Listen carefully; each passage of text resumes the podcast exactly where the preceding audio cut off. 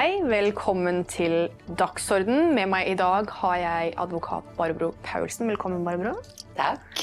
Takk for sist. Takk for sist. Du har jobba hardt eh, i den perioden eh, vi ikke har kryssa vei. Du har hatt mange saker på hva skal vi si, agendaen. Og, eh, men først og fremst så Iris Froe, sykepleieren, eh, Hamar, som vi dekka Når var det den første saken var? Eh, Det var vel i eh, januar? For et år siden? Ja, Ja.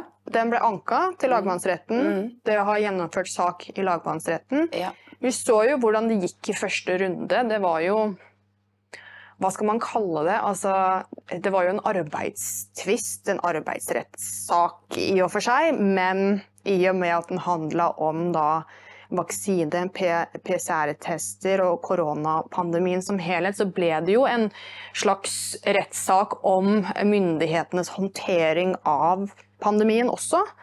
Eh, og det gikk jo selvfølgelig i myndighetenes favør. Det forstår jeg du gjorde også denne runden i lagmannsretten. Kan du ikke fortelle litt hvordan de dagene var? Ja, jeg kan jo først bare si at vi vant jo faktisk delvis i lagmannsretten. Okay. Så vi tapte på, på den ene oppsigelsen og vant på den andre. Så vi kunne ikke håpa på noe bedre, så vi er egentlig storfornøyd med dommen. Ja. Den var balansert, godt skrevet. Lagmannsretten, i motsetning til tingretten, de eh, eh, tok med Iris sine vitner. For den var jo ikke nevnt i tingretten. Nei. Eh, og eh, jeg vil si at dommen som helhet var veldig balansert og godt skrevet. Så eh, vi kunne ikke hoppet på noe bedre resultat. Så resultatmessig, rent arbeidsrettslig, så er vi jo kjempefornøyd. Så, så godt å høre. Ja. Så det betyr det at du For du sa jo eh, i, under saken i, i tingretten at eh, det står om det står om rettsstaten vår. Har vi en velfungerende rettsstat? Har, det, har vi en, en rett som beskytter borgerne? Har du fått tilbake troen på rettssystemet vårt uh, i henhold til denne saken?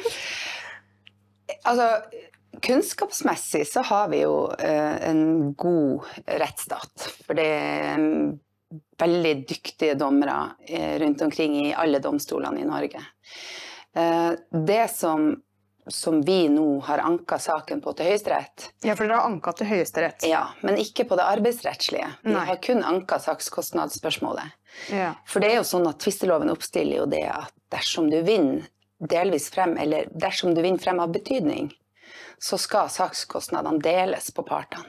Det vil si at Hamar kommune skulle betale sin del, og Iris betale sine kostnader. ja. Men i dette tilfellet så ble hun altså idømt å betale også kommunen sine advokatkostnader. Og det var sjokkerende, fordi her mener jo vi unntaket kom klart til anvendelse. All den tid det, vil være av velferdsmessig og økonomisk stor betydning for Iris at hun kun må bale med sine egne kostnader. For selv om vi har jobba på veldig rimelige satser og gjort en del eh, også helt gratis eh, i saken, så blir det likevel eh, høye kostnader når man har en sak som går over så mange dager i retten. Det er jo noe som debatteres litt her og der i krinker og kroker. Det er jo nettopp dette med altså Det er ikke bare å, å gå til retten lenger. Rett, og som du sier, det å føre en, en rettsprosess, det er Mm. ufattelig dyrt. Mm. Uh, og spesielt da når man står opp mot en kommune eller et stort selskap som i, som i praksis da er den sterkere part. Mm. Så hvorfor i all verden blir hun idømt å betale saksomkostningene til kommunen, når kommunen én er den sterkere sak, og nummer to hun har vunnet fram på Mm. det arbeidsrettslige? Nei, altså det blir jo spennende å se, for det er jo det vi, de argumentene vi har brukt i anken. Men eh, styrkeforholdet nesten alene skulle tilsi med den delseieren at dette skulle deles. Ja. Ja, eh, men lagmannsretten er enig med tingretten at vi har vidløftiga saken. Det vil si at vi, og det er jo det de som har kritisert denne saken har eh, sagt hele veien, det at vi har gjort denne saken større enn det den var. Altså vi har ikke eh, forholdt oss utelukkende til det arbeidsrettslige. Vi har også gått inn på det her med håndteringa, fordi hele saken starta jo med at Iris kun ba om medisinskfaglig dokumentasjon for at hun skulle forskjellsbehandles i forhold til hennes kollegaer som vaksinert. Mm -hmm. Så hun nekta jo aldri egentlig å gjøre det hun fikk beskjed om. Og det syns jeg er viktig å si, fordi hun og vi, eh, altså advokatene som har vært på saken, vi har fått mye kritikk for at vi da har vidløftiga saken som har medført potensielt eh, mer kostnader. Men det har det jo ikke, for det to dager er to dager uansett. Det ville det jo ha vært tidsmessig og kostnadsmessig uansett. Men eh, poenget her er jo at hvis man ikke kan touche kjerna på hvorfor hun faktisk fikk sparken, hvordan skal man da diskutere hvorvidt eh, oppsigelsen var usaklig eller ikke? Det var akkurat det jeg skulle spørre om. Ja. For det til, i grunnen her så ligger det jo det som du sier, at hun ba om medisinskfaglig begrunnelse.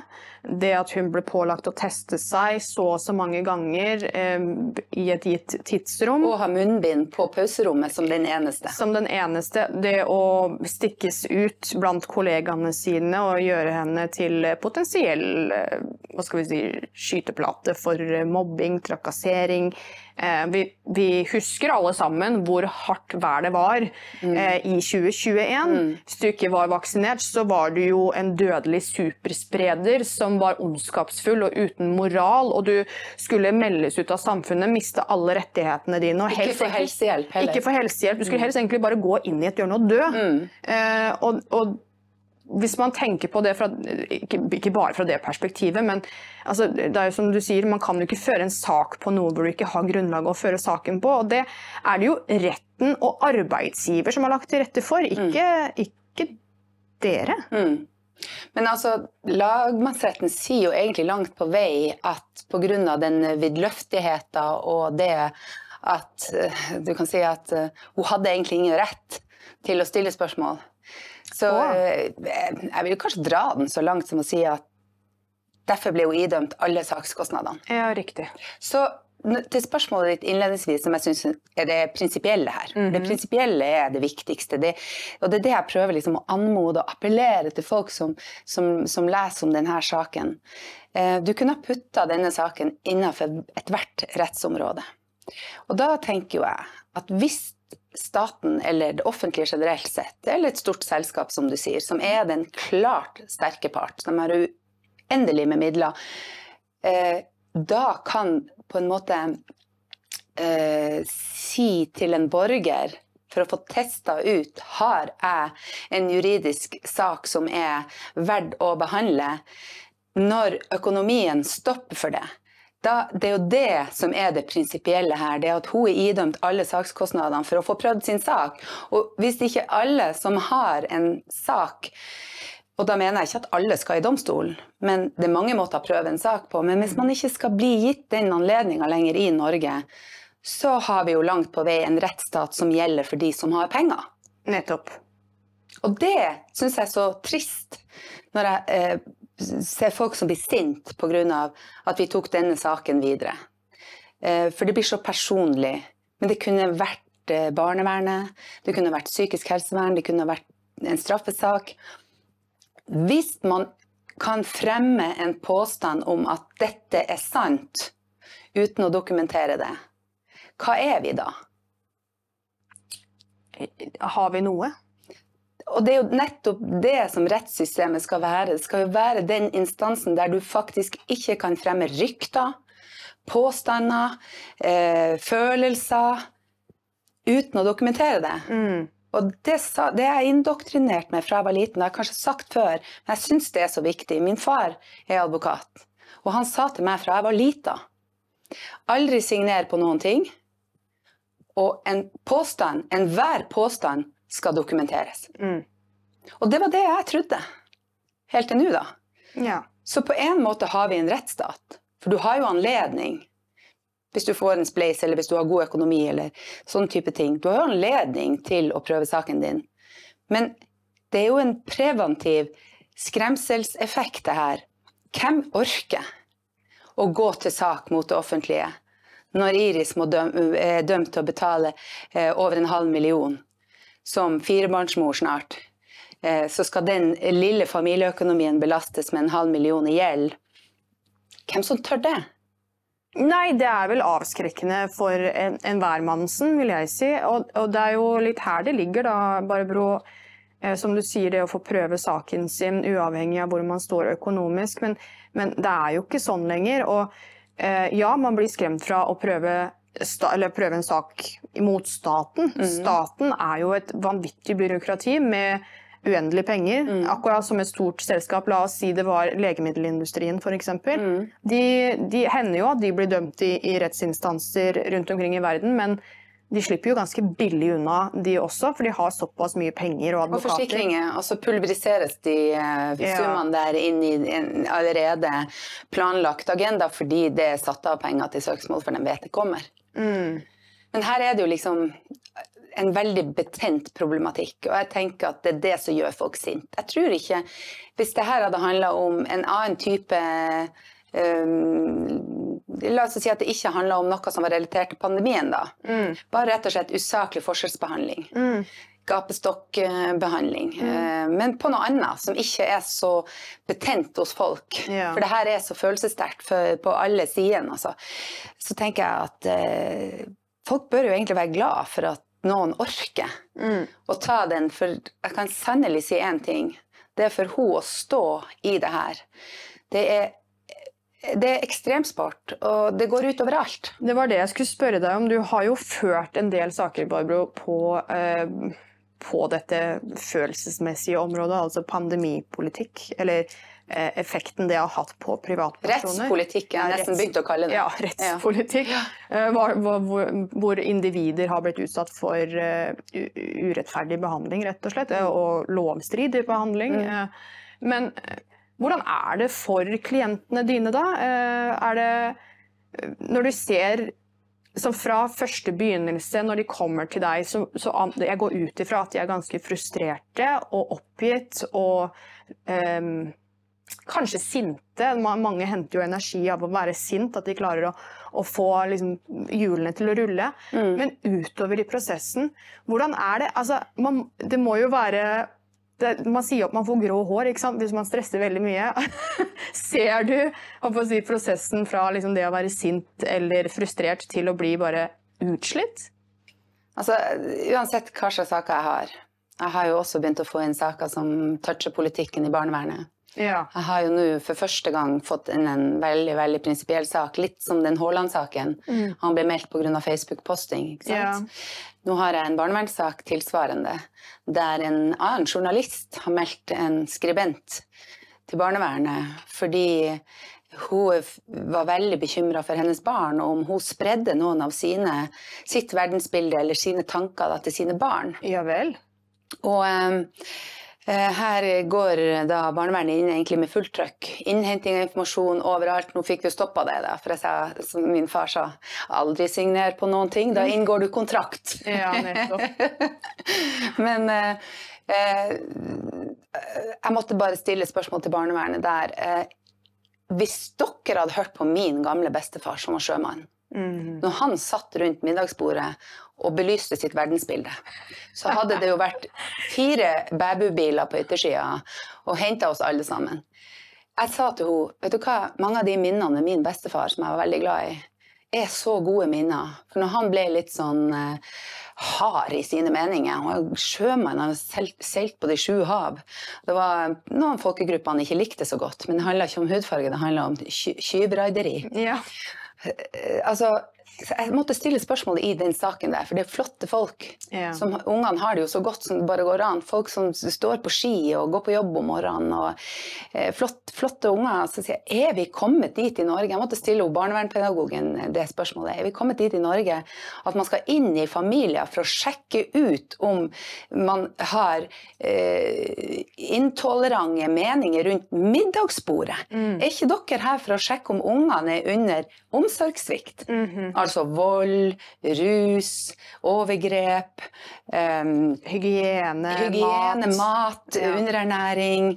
Eh, Hva er det som skjer? Jeg måtte bare stille et litt retorisk spørsmål til henne, men hun var jo veldig fornuftig dame. Men som i de fleste tilfellene, de fleste i systemet er jo gode, men så har de gjerne de her enhetslederne eller de mellomleddene som ikke nødvendigvis er så gode. Så hun var enig. Ja. Hun var enig Men hun, som hun sier, som alle de andre også sier, jeg må ta det opp med min enhetsleder. Og der blir plutselig saken til noe annet. Da mister man den menneskelige. Og det er jo, du er jo inne på det med byråkratiet. Mhm. Når byråkratiet fra det ene liksom, meldinga, bekymringsmeldinga fra den navngitte, riktignok, i motsetning til Haaland-saken, Ja. men et menneske som mor i dette tilfellet ikke ante engang fulgte henne. Åh. Eh, og, eh, Men, men og altså, da forsvinner jo, det var det jeg skulle si, som er det der menneskelige leddet. Vi står her, ser hverandre i øynene. Mhm. Så sa jeg til henne, og da stoppa det på en måte, og da ble det kaldt. Mm. Men så jeg sier, kan ikke hun som har meldt, komme ned hit og sette seg rundt bordet og snakke med oss? Ja. For det er noe med å sitte bak det tastaturet og trykke på den røde knappen, og så er du uviten om at da aktiveres hele systemet mot en familie. Men, men Barbro, det har jo vært sånn lenge at man, man har jo hatt disse diskusjonene om varslere, ikke sant? Vi trenger varslere i samfunnet, fordi der det skjer, gærne ting, der må det varsles.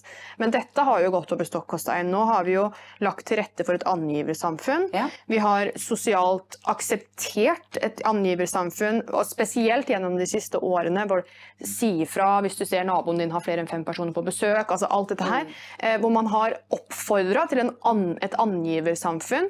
Og da er det ikke lenger varsling som står på altså Det er jo ikke um, det er jo ikke varsling i, i eh, de viktige sakene når man begynner å plukke opp me, altså, eh, meninger hos folk.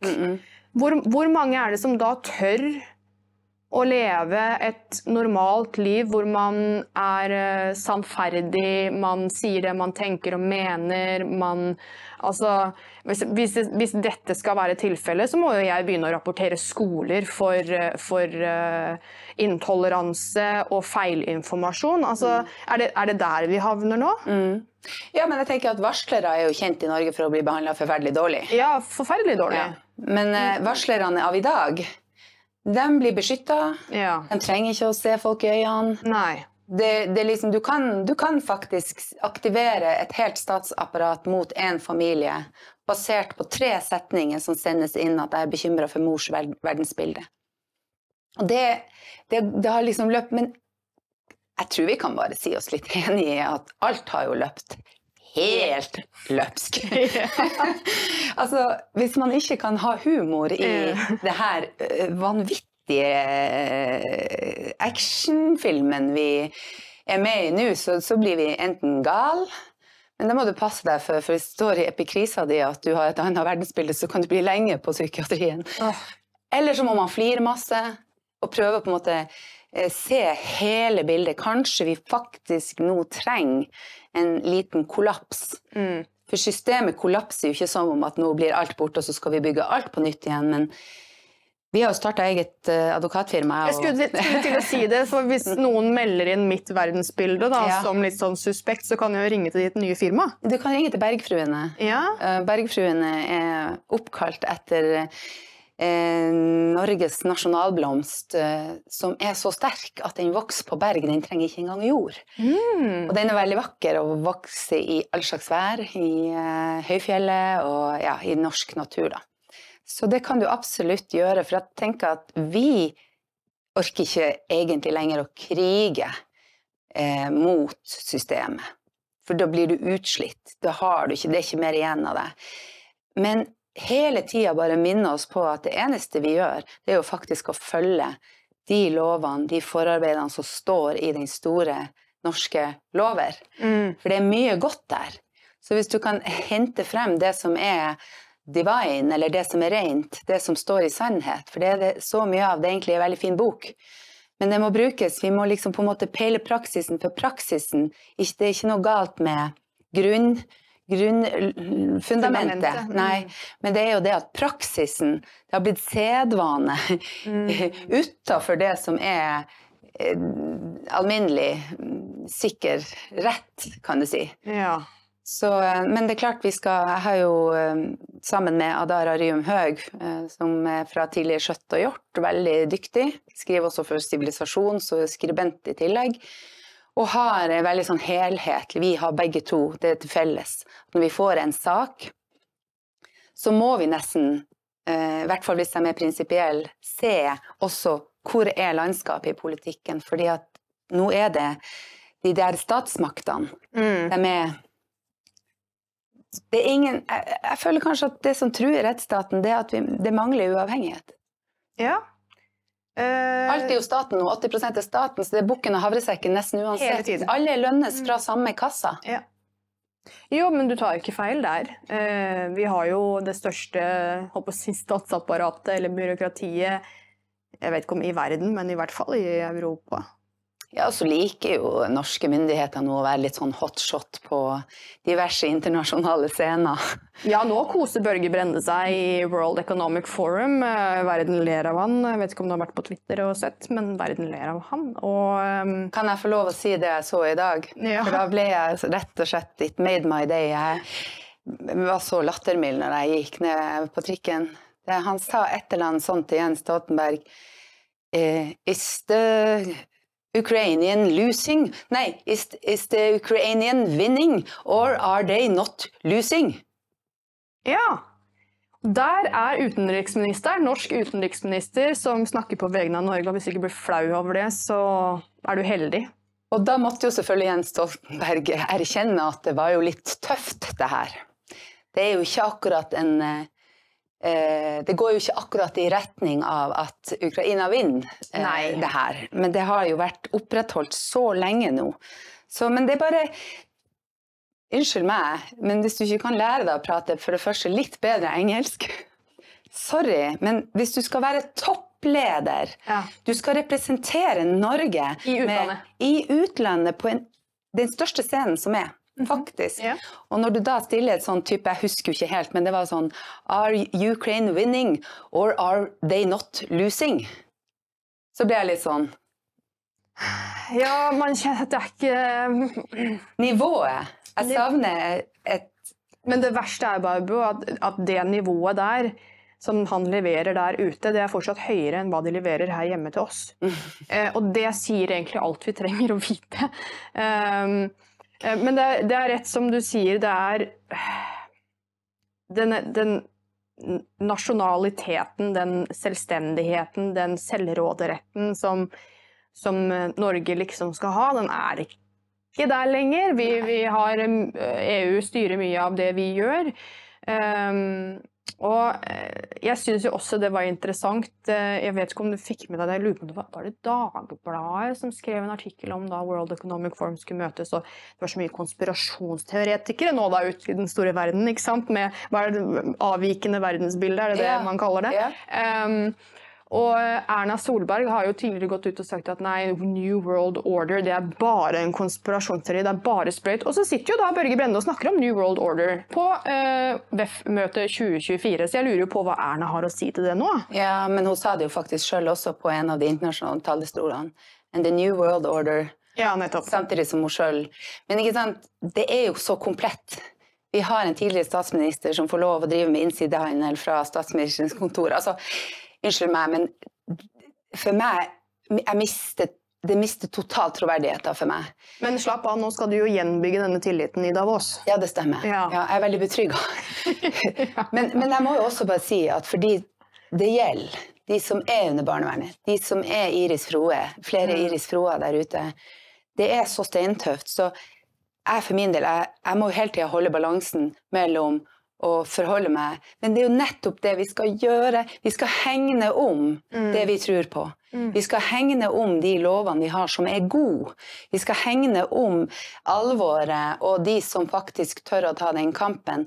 Og så kan vi jeg, Unnskyld meg, altså, men vi må få lov å fleipe litt nå. fordi det virker som, eh, som de her fremste overhodene har helt mista seg sjøl. Det er nesten så Jeg syns nesten litt sånn synd i dem. Har lyst til å gi dem en sånn skikkelig klem. Men likevel ikke. For Mm. de har gjort for mye Skade. skade på folk og bedrifter. Og Mm. en advokat som uttalte her i Advokatbladet at det har aldri vært så mange tvangssalg på Oslo vest. Og det er deres eget folk. Og folket lir. Eh, Vi ser det på saker som kommer inn. Folk blir kasta ut fra sine hjem. Jeg hadde en tvangsfravikelse i går. Da var det to. Eh, en er handikappa, sitter i rullestol, den ble kasta på gata og hevet inn på en campingplass. Altså, og det er den eneste omsorgsboligen som er i det området der han bodde. Altså, det er så brutal behandling av folk i det skjulte. Og jeg, jeg synes så, Det er nok en appell fra meg til å være litt ydmyk, fordi vi ser det. Og vi ser hva det gjør med hvert enkelt individ. Og jeg ser hvor redd folk blir når barnevernet kommer på døra deres. De Mm. blir så ufattelig redd. For la meg si én ting. Er det noe som er alles akilleshæl her, så er det ungene. Mm. Men barnevernet er jo, en, det er jo et veldig betent eh, område, Barbro. Det er jo ikke ofte det skrives journalistiske verk på barnevernet, eller at eh, journalister ønsker å ta i barnevernssaker, eller at eh, Jeg vet ikke hvor ofte advokater tar i barnevernssaker, men barnevernet er en sånn institusjon som river livet ditt i fillebiter. Mm. Og over ting som du sier av annerledes verdensbilde eller avvikende verdensbilde. Altså, hva, hva er det for noe? Hva, hva er det? Det er det jeg prøver å Når jeg da eh, skriver et brev, så er det jo alltid staten som har bevisbyrden når staten går inn i livene til oss vanlige folk. Og da ber jeg dem bare Kan du konkret redegjøre for hva bekymringa er? Og det jeg merker meg når de ikke kan svare, da er det ikke noe sak. Men da er det politikk, da er det 'du har vært for bråkete'. Og det er litt sånn, unnskyld meg, men det, det har vi altså skrevet i anken. Iris var litt for bråkete. Hun gjorde ikke noe galt. Og jeg må også berømme hun og alle de andre som sto under 2020, det som var på en måte hovedpandemien, det som gjorde at eh, i starten så kunne man rett og slett unnskylde folk, for Mm. folk var redd på ordentlig. Eh, og bare stå, stå i det og Men, men det, koster, det, altså det koster så mye, for det som du sier Livet ditt kan rives i fillebiter, Mm. og eh, barnevernssaker er jo sånn at når du får en barnevernssak, og det er nesten sånn i denne journalistsaken, da, hun som ble meldt Mhm. Det er ikke sånn at de går inn med noen mildere iverksettelser. Det er jo å skrive under, og så skal de innhente all informasjon på all din helse gjennom hele ditt liv. De skal melde til skolen, til helsesøster, du blir stigmatisert overalt. Og, og hvis da familiemedlemmer Kanskje la oss si at de har et litt forskjellig verdensbilde som alle internt i familie har. Og hvis det blir sånn Ja, nei, jeg skjønte det. Ja, for du tenker jo sånn. Så blir det søren meg altså splid i familiene også. Så det er Riktig, det river det river fra hverandre. Jeg mister egentlig litt poeng i forhold til det her med, med Iris, men, eh, men hun gjorde jo ingenting annet enn å stå opp for hundrevis av sykepleiere. Fordi vi vet, og vi har protokollisert veldig mange av de som faktisk ringte. Mm. Også leger. Mm. Men legene slapp eh, billigere unna. Eh, Ja. Det gjorde de. Men hun har slått et slag for, eh, for alle i sin yrkesgruppe, mener jeg. Og for oss i forhold til det her med å tørre. Absolutt. Tørre eh, Modig dame som jeg vil gi all, ære til, fordi hun har virkelig stått i det. Og det har vært tøft for henne. Hun har jo sagt det rett ut. Det har vært tøft. Mm. Um, så Iris, hvis du ser på, tusen takk for innsatsen. Det har vært fantastisk å få følge med uh, på som, eller den kampen som hun har tatt, eller som dere har tatt. For dere har jo virkelig stått på. Du er jo det- råskinn i retten, så Takk. det er flott å se på. Um, Men jeg må bare si en ting òg. Jeg vet at uh, sykepleierkollegaene til Iris har starta en spleis. ja. For hun står jo med 444000 eh, i kostnader til kommunen. Og eh, som Stephanie sa, om folk orker å gi henne fem kroner, Så alt hjelper. så alt hjelper. For det er eh, og, og jeg må også si at hvis man skulle vunnet frem da i Høyesterett, Mm. og at Iris kun får for sine egne, da vil den potten som, som er samla inn, være tilgjengelig for Andre? Ja. Ja. Og det er ikke noe som jeg blander meg opp i, for det har vært problematisk nok. Mm. Jeg må også passe på den uavhengigheten, og at folk er trygge på det. At folk er trygge på at de midlene blir ivaretatt, ikke av vi som jobber med saken, men at det skal komme til gode til barnevernssaker, til alt som egentlig handler om når det offentlige banker på døra di. Ja, riktig. Men eh, hvor er denne spleisen? Finnes den hos eh, Er det Norsk eh, Folkehjelp? Nei, det er sykepleierne er som har laga en eh, privat spleis, så Ja. den, den er ikke knytta til noen eh, organisasjoner. den, hvis man søker opp Iris på Spleis, finner man den da? Ja. Ja. Da har dere informasjonen der, Mm. hvis dere skulle ønske å bidra til å bekjempe statens urettferdige inngripen i privatlivet, for det er jo det vi snakker om her. Mm. Og ikke bare det, men eh, kunne rive livet ditt i fillebiter bokstavelig talt. Ta fra deg jobben, ta fra deg barna, ta fra deg alt. Ja, og akkurat det med arbeidsrett er nok mer følsomt enn folk tror. Ja. Du har altså dedikert ja, Når hun f.eks. jobba under 2020-pandemien og sto på som Mm, I frontlinja. i frontlinja, Ja. ikke en plett på sitt uh, rulleblad, Uh, sto der uvaksinert, uten maske og jobba. Mm. Hvorfor skulle plutselig ting være annerledes? Du skjønner at det var, I bedre, 2021. det var bedre å, sånn som i starten av 2020, å, å, benytte, å dele på smittefrakkene, skjønner du. For det var det noen som måtte gjøre i noen institusjoner i Norge. Dele smittefrakker. Ja. Vi hadde ikke nok utstyr, vi hadde ikke nok munnbind. Vi hadde, jeg vet ikke om du husker det, men vi hadde jo ikke nok. Og, og da, var det, da kunne man jo dele på smittevernutstyr som om det er normal smittepraksis, men her tar man altså noen på Plukke litt her og plukke litt der, der og litt. sette sammen. Ja. Og så, så alt det der var jo jeg, Nå tør jeg faktisk å si det, men alt det der var bare tull. Og eh, Iris er jo også spesialutdanna i smittevern. Ja, nettopp. Ja, hun har jobba på testsenter. Jeg mener å huske at hun sa Mm. noe om det i, i tingretten. At eh, dette er ikke smittevern forsvarlig, det er ikke forsvarlig Nei. smittevern, dette er utdanna i. Men vil ikke høre det. Det står til og med i helsepersonelloven at dersom du er faglig, altså fagkyndig i det du driver på med, Mm. så skal du gjøre egne skjønn, egne faglige vurderinger. Du skal ikke følge blindt. Og da tenker jeg at det er verdt å nevne overlege professor Halvor Næss. Han er jo en eh, av de tyngste eh, medisinerne vi har i Norge. Mm. Og det her er jo igjen det her med varsling. Det knyttes opp mot, som han sier, som han sa i lagmannsretten, da var jo ikke du der, Dessverre. men uh, da var Halvor uh, skikkelig Altså, han var så god. Men det han sa som han syntes var så trist, for de Mm. nye legene, de nyutdanna legene som kommer til Haukeland, der han jobber nå, eller har alltid jobba, de tør nesten ikke å utvise eget skjønn innenfor retningslinjer lenger. Det er blitt Altså, den, den praksisen Du snakka jo også om Petter eh, Dvergsdal. Ja, han Mm. sa vel det. Før, før i tida så man, fikk man lov å være lege. Ja. Man fikk lov å Nå er det mine ord, da, men den hippokratiske eden. Mm. Det å få redde liv og det å utvise skjønn i hver konkret sak har alltid vært praksis. I, I pasientens beste. Mm.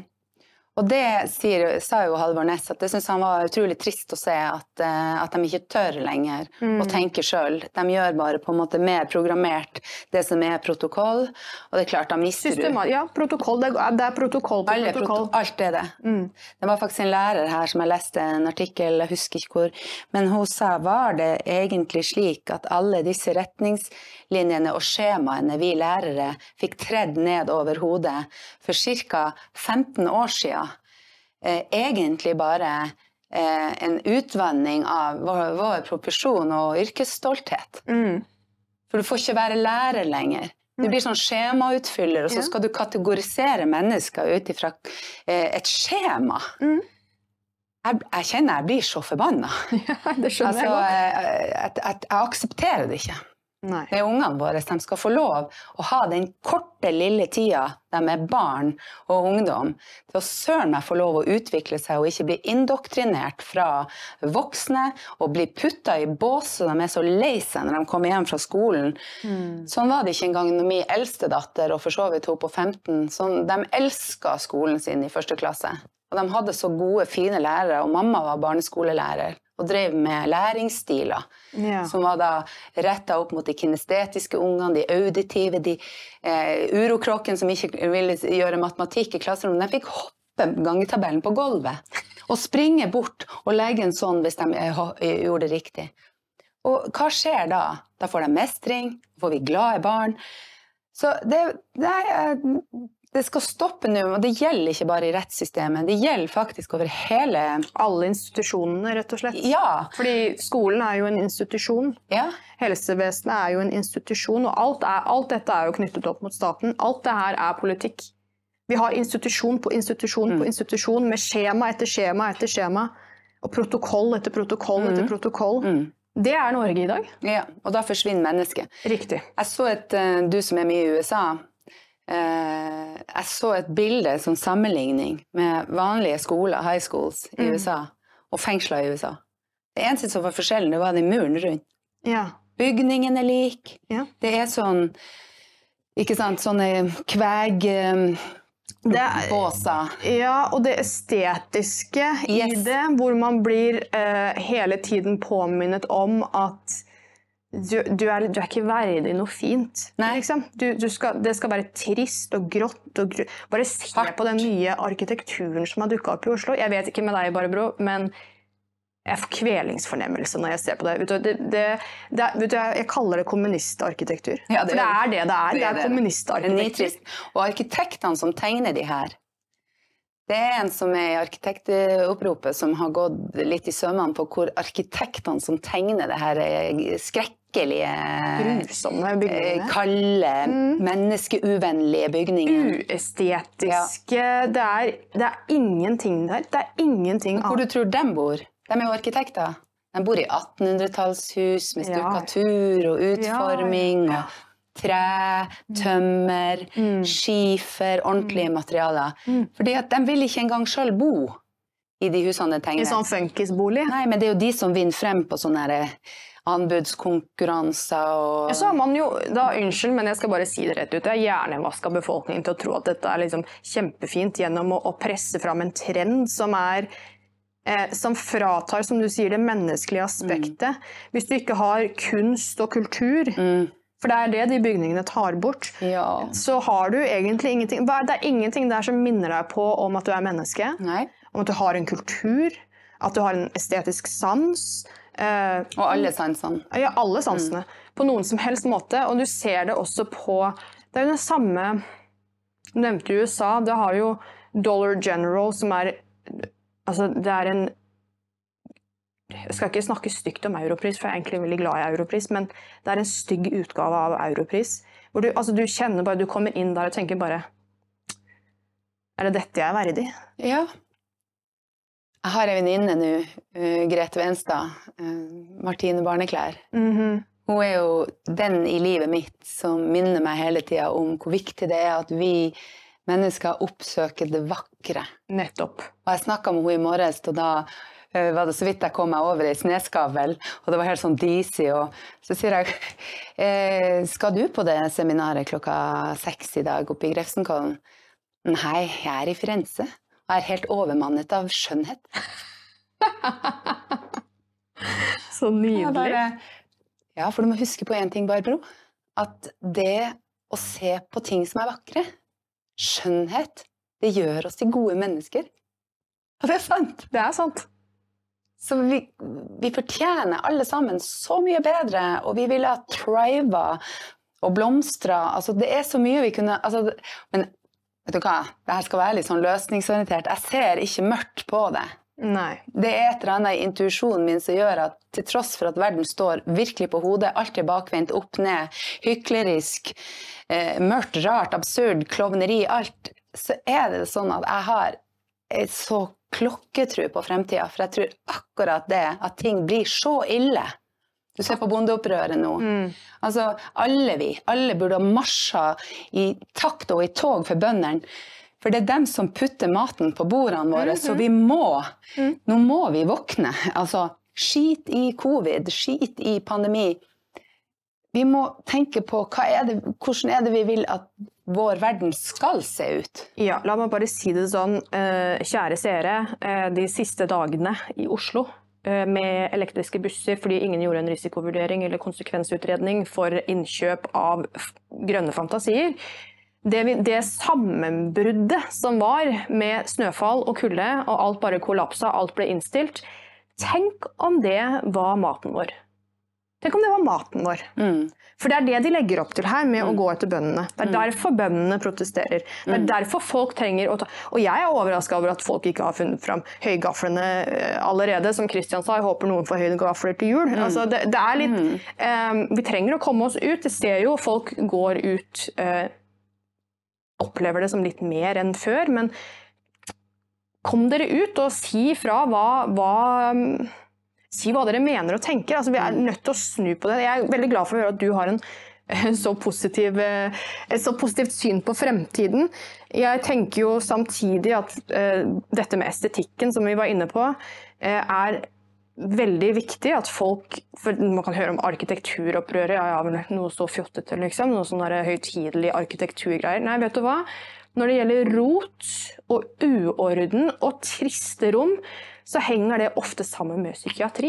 Det er en grunn til at man rydder rommet sitt før man rydder hodet. Altså, det er noe med det å ha det pent og ryddig rundt seg også.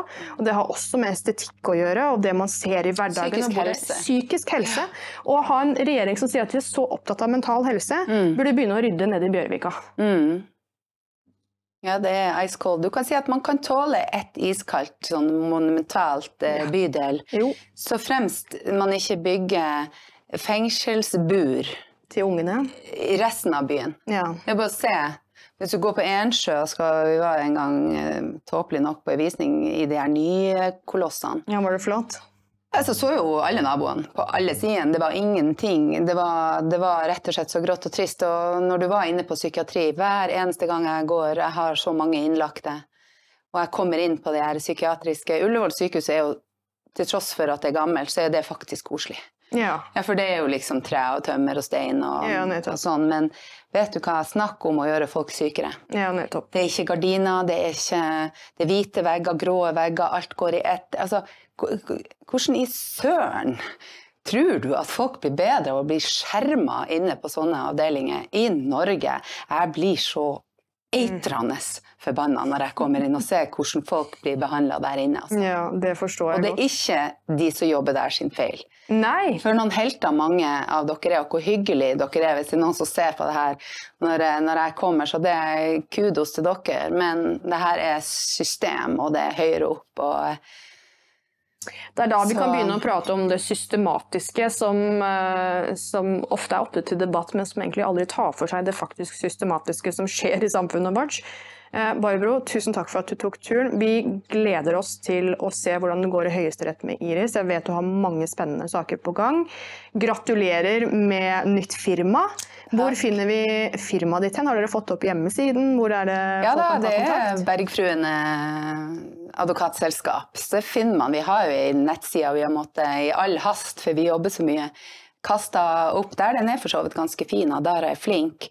Og vi har til og med fått tre jobbsøknader allerede uten at vi har utlyst stillinger, uten at vi har Så det lover egentlig veldig godt. Så er vi to fritenkere, så jobber vi veldig forskjellig, men vi, vi har det samme verdigrunnlaget. Og det at vi orker ikke å krige med systemet lenger. Vi skal være med i bygginga av et eh, nytt og bedre system. Tufta på de tingene vi faktisk kan ta med oss videre. Barbro, det er en fryd å prate med deg. Eh, Du er eh, en virkelig naturkraft i landet vårt, så tusen takk for jobben du gjør. for Du tok turen. Vi kommer til å ønske deg tilbake om ikke så altfor lang tid. Eh, Og da sier vi tusen takk for i kveld.